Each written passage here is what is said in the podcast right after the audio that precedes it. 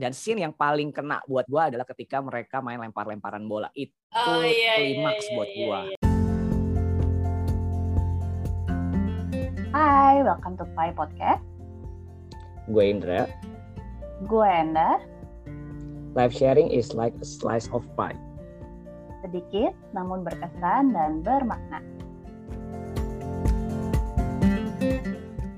Hai selamat pagi siang sore malam teman-teman akhirnya Halo. kita rekaman lagi Indah Mhm. Langsung aja, Ndra. Hari ini kita mau bahas Nah. apa nih? Nah, jadi sepertinya selain kita akan bahas topik-topik terkait dengan yang ada di sekitaran kita, ternyata menarik juga kalau kita bahas film karena ada juga beberapa teman, beberapa penikmat juga kak request film ini dong, kita bahas Hmm. film ini dong dan segala macam ya, Nda ya. Mhm. Jadi hari ini kita mau ngebahas film Adams Project. Teman-teman udah pada nonton belum? Iya, iya, iya. Itu film Netflix kan ya, tahun ini ya? Baru, paling baru bulan lalu kali ya keluarnya ya? Iya, lu yang lebih tahu ndak karena lu yang merekomendasikan film itu ke gue. Tapi sejujurnya gue juga random sih, Indra, nontonnya. Jadi kan week, tiap weekend tuh kan gue balik ke rumah ya. Kadang ada kakak gue gitu. Ya udah, Hmm. kerjaan kita tuh kalau weekend tuh nonton aja gitu, nonton Netflix. Eh, terus yaudah coba nonton ini yang lagi new release gitu kan. Ya udah deh, kita tonton. Kok ternyata bagus ya filmnya. Gitu. Jadi makanya gue rekomenin ke lu.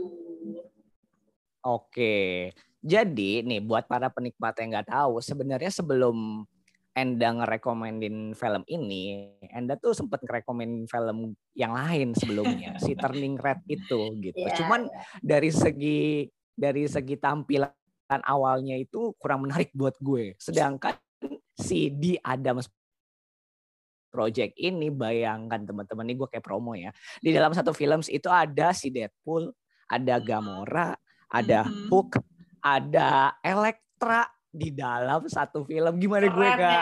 Oke, dah gue udah bilang kan, kayak ini keren deh kayaknya dia, ya. kayak keren ya. Ya udah jadi gue tertarik untuk menonton karena si tokoh-tokoh itu. Jadi ya, be honest, gue harus cerita itu sih, Nda. maksudnya. Mhm. Kenapa akhirnya gue lebih tertarik nonton film si The Adams Project ini karena karakter-karakter dan dan pemeran-pemerannya yang buat gue Oke. menarik sih gitu. gua gua nggak terlalu ngikutin tuh yang Deadpool gitu nonton sih cuman kayak nggak nggak tahu gitu diperanin oleh siapa tapi ya mungkin lo yang lebih apa ya hero gitu kan cowok-cowok kan lebih suka nonton-nonton yang film-film Nah, hero gitu yoi yoi pasti teman-teman penikmat juga tahu lah dan aware lah dan suka lah. Jadi ini jadi satu satu trigger buat eh keren juga ya kayak pengen nonton ya buat teman-teman yang belum tonton bisa ditonton. Nah, tapi sekarang Mhm. kita pengen angkat nih sebenarnya apa sih yang menarik? Apa sih yang menarik dari film ini yang bisa kita bahas? Nah, sebenarnya gue dulu deh ya, karena Ah, lo kan oke. yang lebih mendalami film ya. Kesan utama gue dulu ya, Nda ya. Kesan oke. utama gue dulu. Ini film biasa. iya Ini film biasa buat gue. Kalau buat gue, gue kayak ini film bayangan gue awalnya tadi sedikit dari gue kan nanya kan sama si Enda. Mhm. Eh, Ndah, ini film apa? Ini film tentang time traveler yang eh, ada lebih banyak actionnya. Wah, bikin gue menarik lagi nih kayak banyak actionnya gitu kan. Tapi abis gue nonton, gue malah bisa bilang ini film keluarga. iya Iya nggak sih? Ini kayak lebih Iya. film keluarga gitu loh, nggak action action banget juga kayaknya. Enggak, tapi kayak tentang keluarga gitu. Jadi kayak Mhm. em, time travelernya juga biasa buat gua kayak lo ngeli- Ya. ketemu sama eh, diri lo yang sebelumnya habis itu terjadi konflik dalam diri lo dengan diri lo yang lain Mhm. habis itu begitu kayak klise gitu loh ya cuman itu yang gua dapet sih Nda. mungkin gue nanti akan sharing terkait dengan apa yang gua dapet eh, relate sama diri gue soal keluarga ini tapi Mhm. Kesan pertama first impression lo abis lo nonton tuh sampai lo merekomendasikan ini ke gue itu apa ndak? sebenarnya kan karena gue juga nontonnya random ya, jadi gue nggak punya ekspektasi apa-apa tentang film ini. Bahkan gue nggak tahu tuh, uh, agak males nontonnya awalnya. Tapi kakak gue yang pengen nonton waktu itu. Jadi ya udahlah, kan gue ngikut aja biasa. Nyampe tengah-tengah juga, gue kayak oh, masih berusaha nih mencerna. Ini mau dibawa ke mana sih arah filmnya gitu. Cuman gue lebih tertariknya tuh sama beberapa kata atau beberapa part kali ya di film itu yang itu kayak bahas tentang emosi, terus bahas tentang kayak ada sentilan-sentilan dikit gitu kalau kita nggak perhatiin mungkin ya udah lewat gitu aja gitu di film itu. Cuman gue tertariknya itu sih um, pembahasan tentang bagaimana lu tuh sebagai orang dewasa kadang lupa um, apa yang harusnya penting gitu. Misalnya kayak dewasa tuh ya udah sibuk aja gitu ya. Sibuk untuk proof diri lu sibuk untuk uh, bikin diri lu keren segala macam. Tapi lu lupa sebenarnya intinya apa misalnya seperti itu. Tentang emosi juga okay. kadang kita uh, bingung gitu ya bedain emosi marah emosi sedih. Yang kita tahu ya udah marah aja sebagai orang dewasa gitu. Jadi itu kelihatan sih. Dan kalau lu bilang ini film keluarga hmm. iya Andra gitu. Kayak semua itu bisa kelihatan gitu kan di di akhir. Itu keren banget sih menurut gua. Itu iya. Um, soal yang lu bilang bahwa ini kita nggak akan spoiler detail ya maksud terkait dengan hal apa. Tapi teman-teman penikmat bisa dapat meaningnya kalau teman-teman nonton juga gitu kan. Nah terkait dengan apa yang lu bilang dah bahwa orang dewasa itu lebih ke pengen membuktikan diri di aku itu lebih ke tokoh papanya ya berarti ya. Ya nggak sih? Salah nggak hmm. gua? Papanya tuh maksudnya papanya si siapa sih nama tokohnya? Si, eh, si Adam. Adam, iya namanya Adam. juga Adam. Papanya si Adam. Nah, judulnya juga Adam's Project, ya namanya Adam. Gimana bener, sih bener? Gue apa apa yang skip karena sudah lama nonton. Papanya si Adam. Papanya enggak, enggak. Justru si, Adam. si justru si Adamnya yang pengen membuktikan diri. Mm-mm. Coba lo ngeliatnya dari mana? Si Adam yang gede gitu atau si Adam, yang, gede. Ya, Adam si Adam kan lo bilang kan bahwa orang dewasa kan. Uh-uh. Iya, uh-uh. kan dia dia iya gue nggak ya di, di film itu kan nggak diceritakan ya gimana tengah-tengahnya dia masa remajanya terus dia sampai kerja mm. kerja di apa sih luar angkasa itu gimana ceritanya gitu kan mm.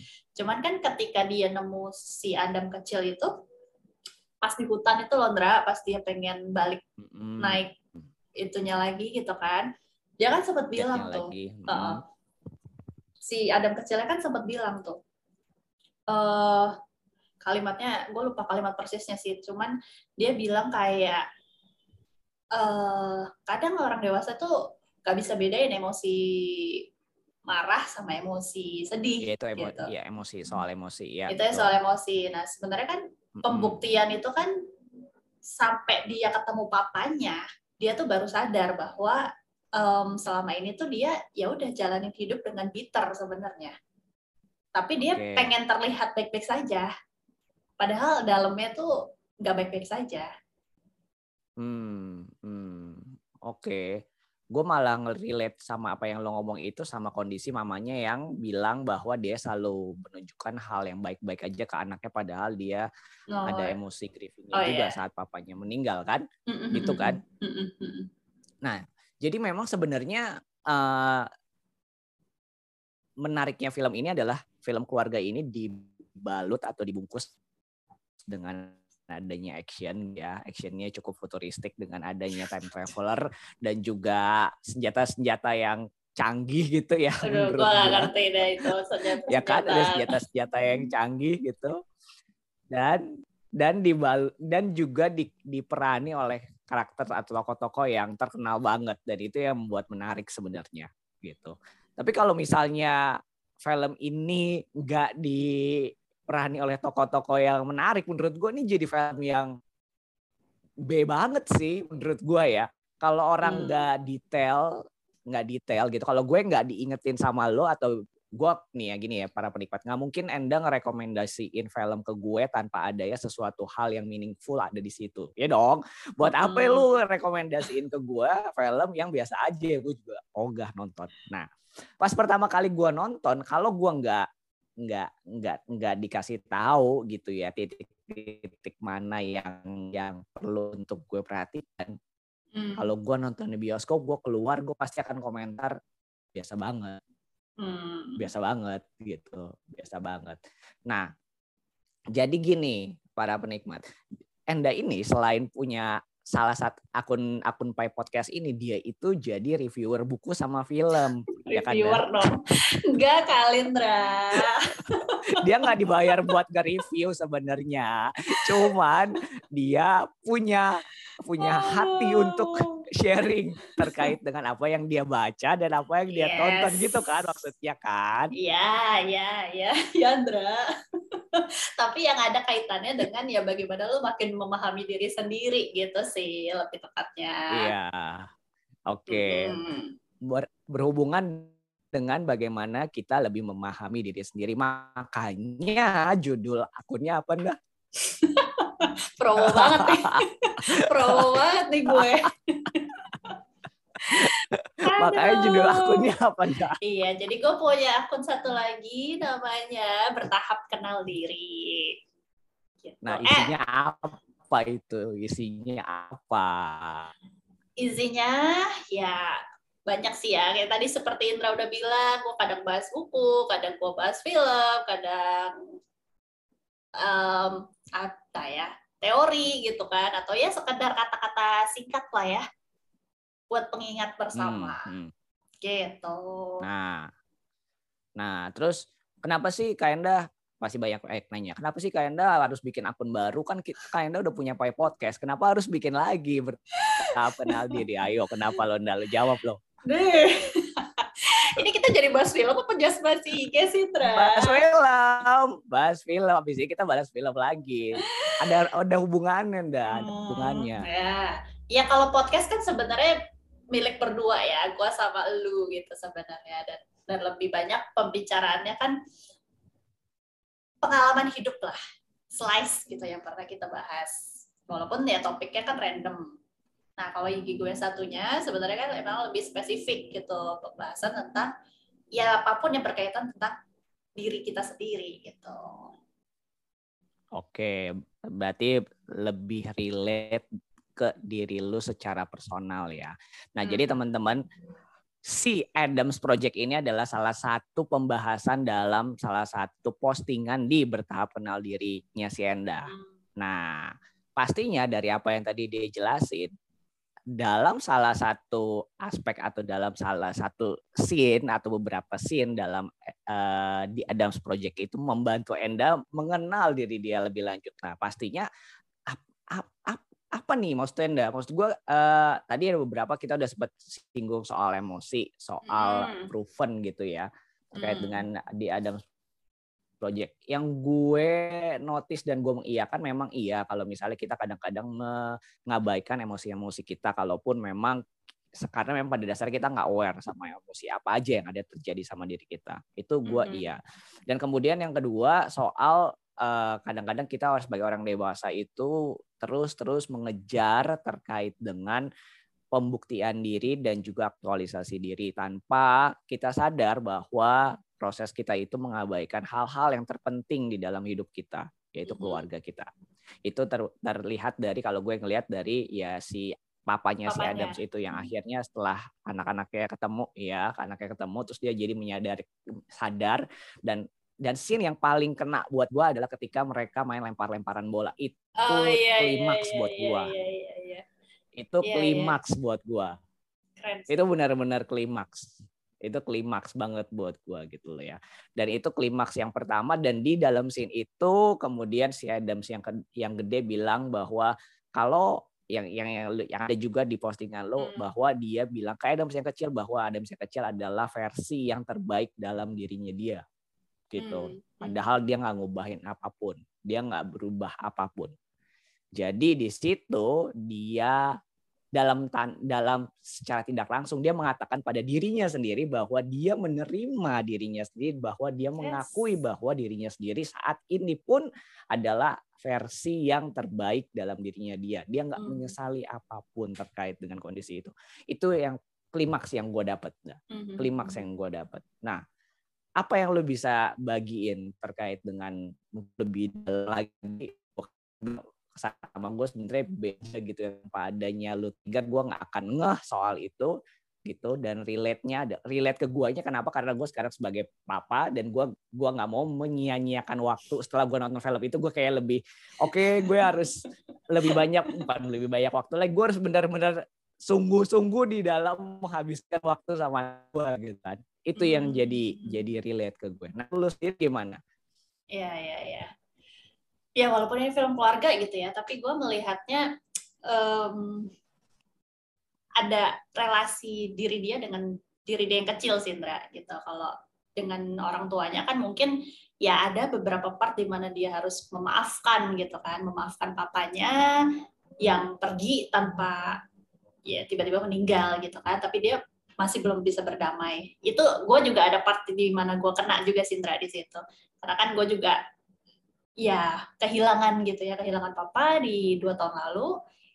Uh, dibilang berdamai udah. Cuman mungkin masih belum mengembalikan uh, relasi awal gitu lah ya. Masih banyak hal yang harus gue beresin lah pada akhirnya di masa pandemi ini. Cuman yang lebih kenanya adalah tentang itu Sindra, bertemu dengan pribadi lo ketika lo lagi kecil. Ini kalau misalnya bahasa-bahasa di luar tuh kan bahasanya inner child ya uh, bertemu dengan inner child lo atau kalau inner child hmm. lo terluka ya lo harus kayak uh, bisa sebagai orang yang sudah lebih dewasa lo yang harusnya bisa istilahnya reparenting lah ya apa yang nggak lo dapet di masa kecil gitu dan itu memang tanggung jawab masing-masing okay. orang sampai saat ini nah yang yang gue lihat di film ini adalah part menerima yang lo bilang tadi tuh Ndra, yang benar-benar bikin nyes gitu kan sampai ujungnya oh dengan segala lika-liku kehidupannya dia akhirnya dia bisa bilang bahwa Adam kecil ini adalah versi terbaik dari dirinya. Mungkin selama ini dia bitter gitu kan. Hmm. Dengan kehilangan papanya di usia hmm. segitu, di usia 12 tahun. Tapi di usia dia yang gede ini gue nggak tahu sih dia usia berapa 20 30-an kali ya yang udah gede ini. Mm-hmm. It's a long journey gitu ya kalau bisa dibilang sampai akhirnya dia bisa benar-benar menerima. Dan dan gue belajar sih ya kita nggak harus sampai di usia segitu untuk kita bisa menemui diri kita yang kecil, tapi ya kita bisa mulai kapan aja sebenarnya untuk berdamai itu sih part berdamai. Kalau misalnya memang masih ada hal-hal yang kita belum bisa berdamai dengan diri kita yang iya. dulu gitu. Iya. Um, di film itu sih digambarkan dengan sangat dengan sangat sederhana sih ya bayangan gue ya hmm. bahwa ketika dia bisa bertemu fisik dengan dengan dengan diri dia yang lebih kecil dan yang kecil bisa ketemu sama yang gede gitu ya. Kalau yang kecil ketemu sama yang gede dengan kondisi yang kecil dalam pengetahuan dan pengalaman yang masih sedikit ya dia mm-hmm. kayak nggak punya harapan tapi begitu ketemu yang gede gitu ditanya kamu ini uh, kok badannya keren ya? Terus badan terus uh, udah punya istri belum? Udah udah udah pernah kencan belum? Ngeliat belum dan segala macam. Dikasih tahu iya terus dia langsung punya hope kan? Deh, gitu kan? gitu kan? Kalau kalau dari kalau gue memposisikan ke diri yang kecil gitu. Terus jadi si kecil itu kalau ketemu sama yang gede wah gila gue bakal jadi orang yeah, keren, yeah, yeah, gue iya, bakal jadi orang oke okay lah gitu ya. Nah, mm-hmm. tapi kalau misalnya si ke, si gede ngelihat si kecil, itu malah sebaliknya nggak sih? Nah, maksud gue, gue ngelihat bahwa gara-gara lu ya, gara-gara sikap lu yang kayak begini, gue malah mengalami kepahitan gue sampai saat ini. Mm. Kayak misalnya scene di mana uh, kondisi si kecil yang sangat mengabaikan mamanya, sangat cuek sama mamanya, nggak gitu peduli sama mamanya, terus sampai akhirnya ketemu sama si gede, si gede bilang lo bakal menyesal kalau misalnya lo nggak ngelaku, nggak ngerubah perbuatan lo, dia bilang gitu kan. Mm -hmm. Ya di posisinya si gede ngelihat si kecil yang seperti itu kayak lu kenapa sih begini lu kenapa sih begitu dan dan dia udah nggak bisa ngubah apa pun gitu. dan dan ketika itu terjadi ya kan ada perubahan di situ ya kan by the end setelah setelah filmnya udah mau habis kan ada perubahan perilaku sama si kecil ya kan? Dia meluk mamanya kan uh. itu itu juga klimaks juga um, ya maksud gue penggambarannya begitu sederhana. Penggambarannya Tapi, terlalu realitanya nggak sederhana ya. iya iya maksud gue penggambarannya terlalu mudah buat buat dilakukan ya iyalah gue ketemu sama orang orang ngomong ya gue bisa berubah tapi kalau misalnya lu bayangin secara imajinatif lu bertemu dengan diri lu lu berdamai dengan diri lu masa kecil gimana cara lu berdamai terhadap diri lu masa kecil yang telah melakukan beberapa perilaku yang hmm. membuat lu menyesal sampai saat ini itu enggak it's yeah. not iya. easy yeah. kan benar-benar iya gimana ya maksud gue itu terlalu uh, ya di satu sisi memang itu film keluarga itu bagus penggambarannya baik karakternya bagus tokonya bagus tapi itu terlalu gimana ya menurut gue ya? Eh, oh ya ini kata yang bagusnya adalah terlalu mensimplify sesuatu gitu gak sih? Iya iya iya. Iya sih ngerti sih. Cuman kalau mau dibikin ceritanya sesungguhnya juga gak akan jadi film kayak gini sih Indra ya. Nah makanya makanya by di titik poin ini gue mau mengatakan bahwa um, ya kalau kita membahas terlalu detail nih film jadi kita nggak nggak bisa enjoy filmnya. Mm -mm. Mm. Benar nggak? Lo setuju nggak di titik ini kan? Setuju. Makanya ketika ketika ketika ketika kita membawa ini ke suatu hal yang lebih meaningful, memang memang ya udahlah kita harus pisahkan dari dari lo enjoyin aja filmnya gitu lo nonton aja filmnya gitu tanpa mm -hmm. harus ada sesuatu hal yang menjadi beban di pikiran lo gitu ya ya lo enjoy aja kalau ada suatu hal yang relate sama diri lo sama kayak gue main ya it's good gitu yeah, tapi yeah, yeah. gue berharap dengan apa yang kita sharingin ini ya teman-teman juga bisa dapat something gitu terkait mm -hmm. film ini lebih lagi dari yeah, lo yeah. lo uh, abis nonton film ini lo ngerasa gimana setelah nonton film ini ya setelah nonton film ini uh, apa ya Andra ya? Gue gue kesan gue sebenarnya nggak terlalu yang sampai gimana banget gitu ya. Maksudnya beda lah kalau sama film-film yang gue tuh masih bisa kepikiran sampai beberapa hari setelahnya gitu. Kalau ini sebenarnya memang memang bukan film yang gimana banget tetapi gue seneng karena uh, banyak pelajaran yang bisa yang bisa ada gitu di dalam film ini. Walaupun benar kata lu kita nggak bisa memsimplify seakan-akan itu seolah itu hal yang gampang gitu. Enggak sama sekali. Tapi ya gue lebih senengnya tuh ketika nonton baca ada yang bisa gue ambil atau atau ada yang bisa kita pelajari bareng lah intinya seperti itu. Kalau kesan ya ya ya itu Sindra ada di titik-titik part ketika gue lihat scene yang ya dia main lempar-lemparan itu yang pertama sama scene yang uh, dia ngomong ke mamanya. Kalau mungkin lu tuh nggak apa-apa harusnya nggak apa-apa menjadi tidak apa-apa di depan anak lu yang sekarang. Mm-hmm. ada ada itu itu tuh gue juga kayak ngerasa wah gila gitu. Jadi kadang orang tua tuh berusaha kuat padahal anaknya nggak butuh itu gitu. Anaknya justru butuh juga melihat orang tua yang ya bisa ngerasa sedih bisa ngerasa apa gitu ya. Supaya itu dijalaninnya bareng gitu sebenarnya. Itu itu. Iya. Iya iya iya. Ini gue juga pengen sempet pengen pengen pengen ngobrolin sedikit nih sama lu soal ini. Soal di mana ya sebenarnya enggak kalau dari orang tua ke anak itu lebih kuat ya Enda ya. Gue ngerasain bahwa lu sebagai orang tua lu harus lihat kuat. Ya jelas lah lu kan diteladani sama anak lu berharap bahwa ketika orang tua menunjukkan bahwa dirinya kuat, anaknya juga harusnya akan kuat. Iya kan?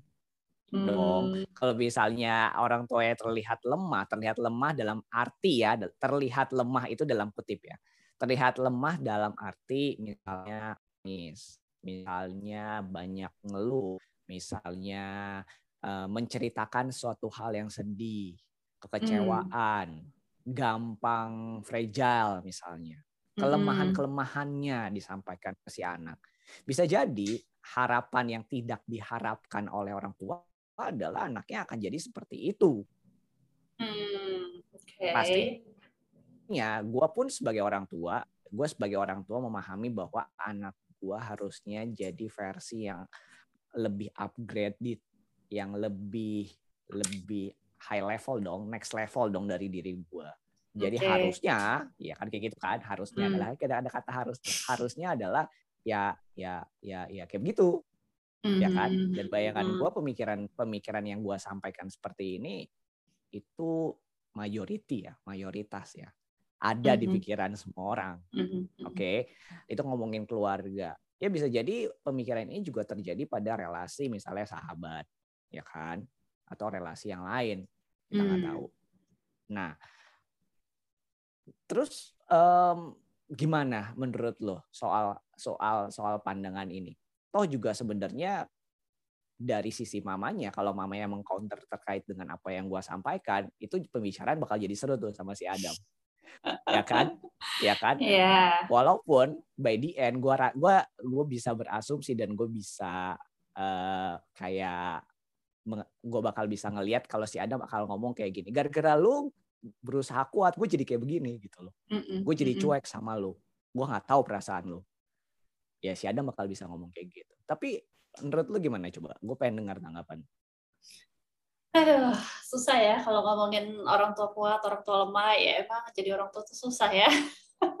Kayak ya lu bilang lu harus jadi orang atau kita tahu lah semua teori. Tapi ketika balik ke praktek ya itu apa yang majority lakukan atau orang tua terlihat har harusnya gitu ya lebih kuat atau lebih apa emang at the end akan dilihat anak gitu.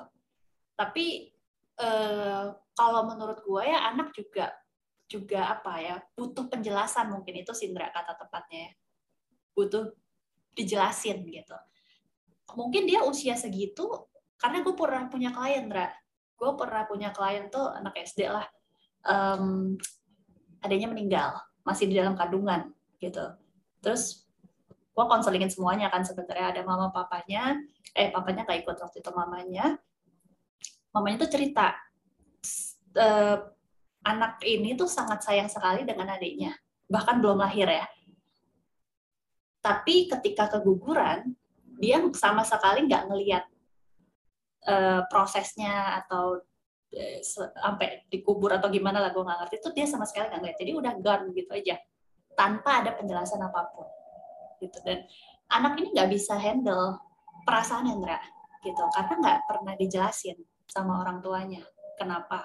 Atau orang tuanya juga menunjukkan udah nggak usah nangis tenang aja gitu. Atau eh, nggak usah sedih. Jadi semua emosinya tuh diblok padahal anak ini mungkin merasa sedih. Jadi yang menurut gua penting kadang ya orang tua nggak apa-apa gitu merasa sedih. Dan mungkin anak juga butuh melihat bahwa um, orang tua itu bukan bukan sesuatu yang tough gitu ya yang yang selalu kuat gitu. Ada masa-masanya dia menjadi uh, rapuh atau apa justru anak bisa melihat bagaimana orang tua itu bangkit misalnya. Itu sih gitu. Jadi anak juga bisa belajar ya hidup itu nggak selalu lurus hidup itu nggak selalu lu tuh harus kuat. Gitu. Oh, iya. karena nanti begitu anak uh, e, dapat pengalaman yang nggak enak down. Karena compare-nya yang diajarin dari dulu adalah ya lu tuh harus selalu kuat. Oke okay. gitu. oke oke oke. Karena hmm, pinpointnya adalah bukan bukan semata-mata untuk menunjukkan supaya dia kuat ya kita kuat mm -hmm. supaya dia kuat tapi mm -hmm. dengan kita menjelaskan dan kita mengekspresikan apa yang kita alami dia juga bisa belajar terkait dengan proses kehidupan yang pastinya dia juga nggak bisa hindari betul gitu betul ya. betul gitu kan dan dia nggak mengabaikan sebenarnya apa yang ha harusnya dijalani mm -hmm. benar gitu jadi akhirnya ya jadi kepahitan sepertinya si Adam yang gede itu jadi dia nggak bisa tahu sebenarnya emosinya apa, kemudian mm -hmm. akhirnya jadi, jadi banyak penyesalan terkait dengan proses yang seharusnya dia jalan dan akhirnya dia memilih untuk avoid gitu kan? Mm, benar, benar. Avoid dengan cara ya dia menunjukkan sisi kuatnya dia, gitu. Hmm, hmm, hmm, hmm. menarik, menarik, menarik, menarik. Karena memang kondisinya terkait dengan relasi ya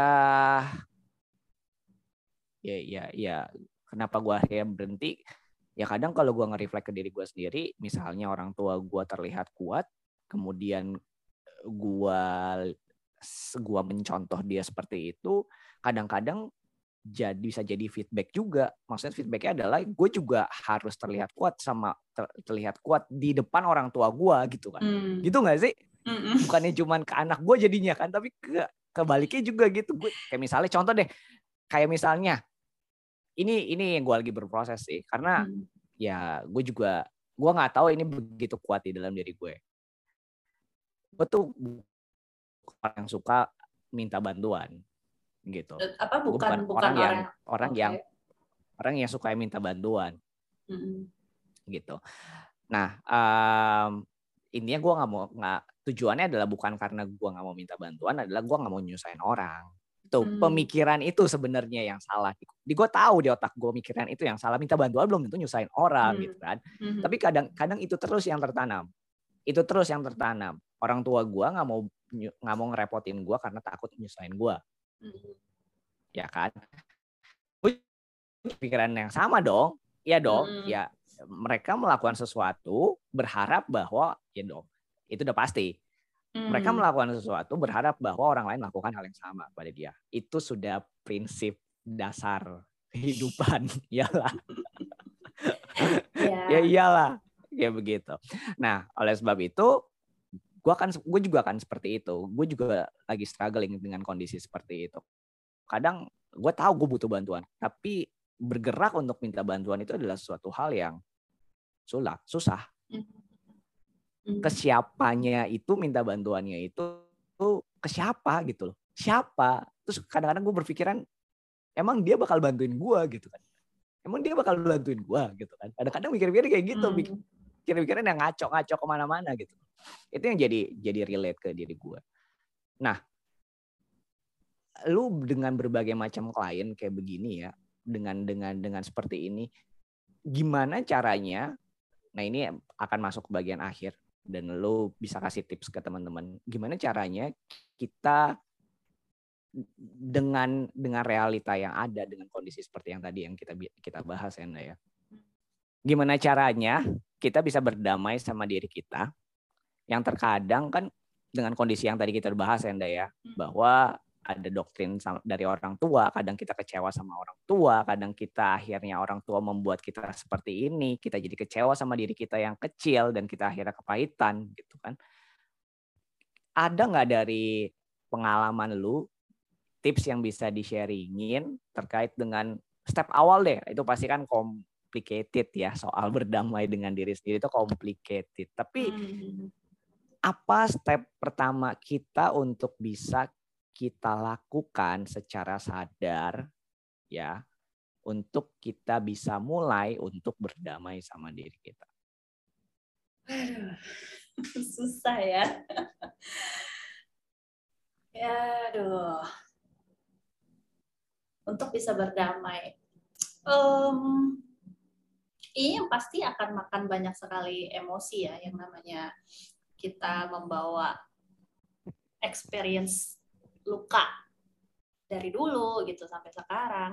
Tapi menurut gue yang lebih penting adalah yaitu bagaimana kalau mau berdamai itu kita harus uh, berani untuk mengeluarkan emosi kita.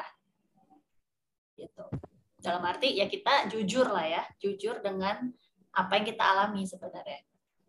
Kalau kita nggak mau berurusan sama orang lain, biasanya gue memakai cara nulis gitu. Ya udah tulis aja lu mau ngomong apa ke diri lu atau lu mau masih merasa apa gitu ya semuanya dituangin di dalam tulisan. Tapi ya itu itu baru cara sedikit sekali ya itu bisa membantu gitu. Tetapi kalau memang kita butuh untuk terus berproses kita nggak bisa berhenti di situ kan ya kita nggak bisa cuma pakai cara itu gitu untuk kita bisa uh, healing atau untuk kita bisa berdamai karena proses menerima ini yang kadang susah Sindra gitu. Gua pun ketika uh, berani bilang sampai gue bisa menerima itu ya ber puluh-puluh tahun mungkin gitu. Kesannya gue udah tua. Maksudnya berbelas-belas. Umur berapa? Berapa puluh-puluh tahun. Umur udah berapa? Ber ya sekian tahun gitu lah ya sampai akhirnya gue berani bilang ya gue uh, sudah lebih baik gitu tapi itu pun dibantu dengan proses konseling, dibantu dengan gue mengerjakan PR-PR secara mandiri, dibantu gue dengan banyak ya baca buku, terus nulis, terus apa pun lah ya yang bisa lo lakukan terhadap diri lo sendiri. Karena ya itu susah Sindra kalau lo udah punya luka ya. Biasanya kan kita suka dengan pola dan kita tuh hidupnya dengan pola gitu kayak lo bilang gitu ya. Oh orang tua udah ngajarin kayak gini, itu kayak udah kebawa aja gitu. Jadi untuk untuk berhenti dan untuk berpikir apakah apa yang kita bawa dari dulu itu baik atau sehat atau nggak sehat, itu butuh banyak sekali waktu untuk lo memikirkan itu gitu sebenarnya. Dan itu yang susah. Iya. Gitu. Iya, betul. Sampai ada orang atau misalnya sampai ada kita dapat insight bahwa apa yang biasa kita lakukan adalah suatu hal yang keliru. Mm -hmm. gitu kan? Ya. gitu kan? Ya, ya iyalah begitulah kondisinya. Kalau dari gue gimana tipsnya apa untuk bisa lebih cepat berdamai seperti apa yang di film kita coba carilah mesin time traveler lah semakin cepat kita menemukan mesin time traveler semakin cepat juga kita bener, akan bener, berdamai bener. dengan kehidupan kita masa lalu benar-benar It's a joke biasa, bercanda, bercanda. Eh, tapi siapa tahu berapa puluh tahun lagi beneran ada time traveler gimana tuh, Tra? Bisa jadi. Soalnya kalau yang kita lihat sekarang-sekarang ini kan ngebahas bahas hmm. banget multiverse, time traveler, Allah hmm. ya terkait dengan eh, waktu-waktu uh, kayak gitu ya ada universe yang lain dan segala uh, macam. Ya bisa uh, jadi selain kita bisa kembali ke masa lalu bisa jadi ada Indra dan Enda yang lain di universe lain lo. Lu berpikir oh. nggak lo bisa jadi gitu lo? Uh, serem sekali. Gue nggak kepikiran tuh. Gila lo, lo. jangan salah lo. Ada ada Enda yang versi Gila, gila, ada gila, gila. Enda yang versi yang lebih bagus dari lo gitu bisa jadi ada dan nanti ketika ada mesin itu muncul gitu ya, lu bisa bertemu dengan Enda-Enda yang lain seperti layaknya Spider-Man ketemu Spider-Man yang lain loh. Kebanyakan nonton film ini ya, saudara-saudara. Oke oke oke oke. Kita udah balik udah eh. sampai akhir nih. Okay. Sampai akhir. Jadi ini pertanyaan terakhir pertanyaan terakhir dari gue, Enda. Menurut lo gitu ya, uh, buat para penikmat yang belum nonton filmnya, menurut lo ini film cocok buat siapa? Hmm. Wah, gue bakal rekomenin ke semua sih, Indra ke hmm, hmm, parents hmm, hmm. bahkan ke diri lo yang eh, misalnya lo belum married atau lo lagi di usia eh, remaja pemuda gitu ya akan banyak sekali hal yang bisa lo ambil even lo belum berkeluarga lo bakal banyak belajar tentang how to relasi anak orang tua itu seperti apa gitu dan itu okay. nggak ada salahnya lo belajar dari situ yes yes yes yes pokoknya filmnya fun sih, fun banget, fun banget. Uh, lu bakal teman-teman bakal bisa ngelihat si karakter utamanya namanya siapa sih Deadpool itu? Ryan, Ryan Reynolds bukan sih Ryan, Reynolds. Ryan Reynolds kan kalau nggak salah ya, lu bisa uh, ngelihat karakter Ryan Reynolds yang memang identik dengan dia ngomong ngomongnya cepet terus gaya dia ngomong itu memang identik sama dia. Jadi kalau misalnya lo penggemar berat sama Deadpool, Ryan Reynolds lu cocok banget nontonin dia gitu karakternya bagus banget. Jadi semuanya juga bisa lu tonton. Ada tadi yang karakter-karakter yang gue sebutin dan memang ini filmnya jangan walaupun tadi kita bahasnya berat-berat tapi ini film sebenarnya simple. Filmnya sebenarnya enjoyable enjoy, gitu ya. Yeah, Jadi enjoy. enjoy banget. Jadi teman-teman nonton aja dan enjoy aja filmnya. Yes. Oke. Okay? Oke, kita sudahi saja slice bahas film kali ini, Indra. Mungkin ke depannya kita akan bahas-bahas film yang lain ya. Oke, sampai di sini aja ya ketemuannya slice kita pada saat ini. Nanti kita ketemu di slice kita berikutnya. Berikutnya. Oke. Oke. See you, teman-teman. Bye-bye.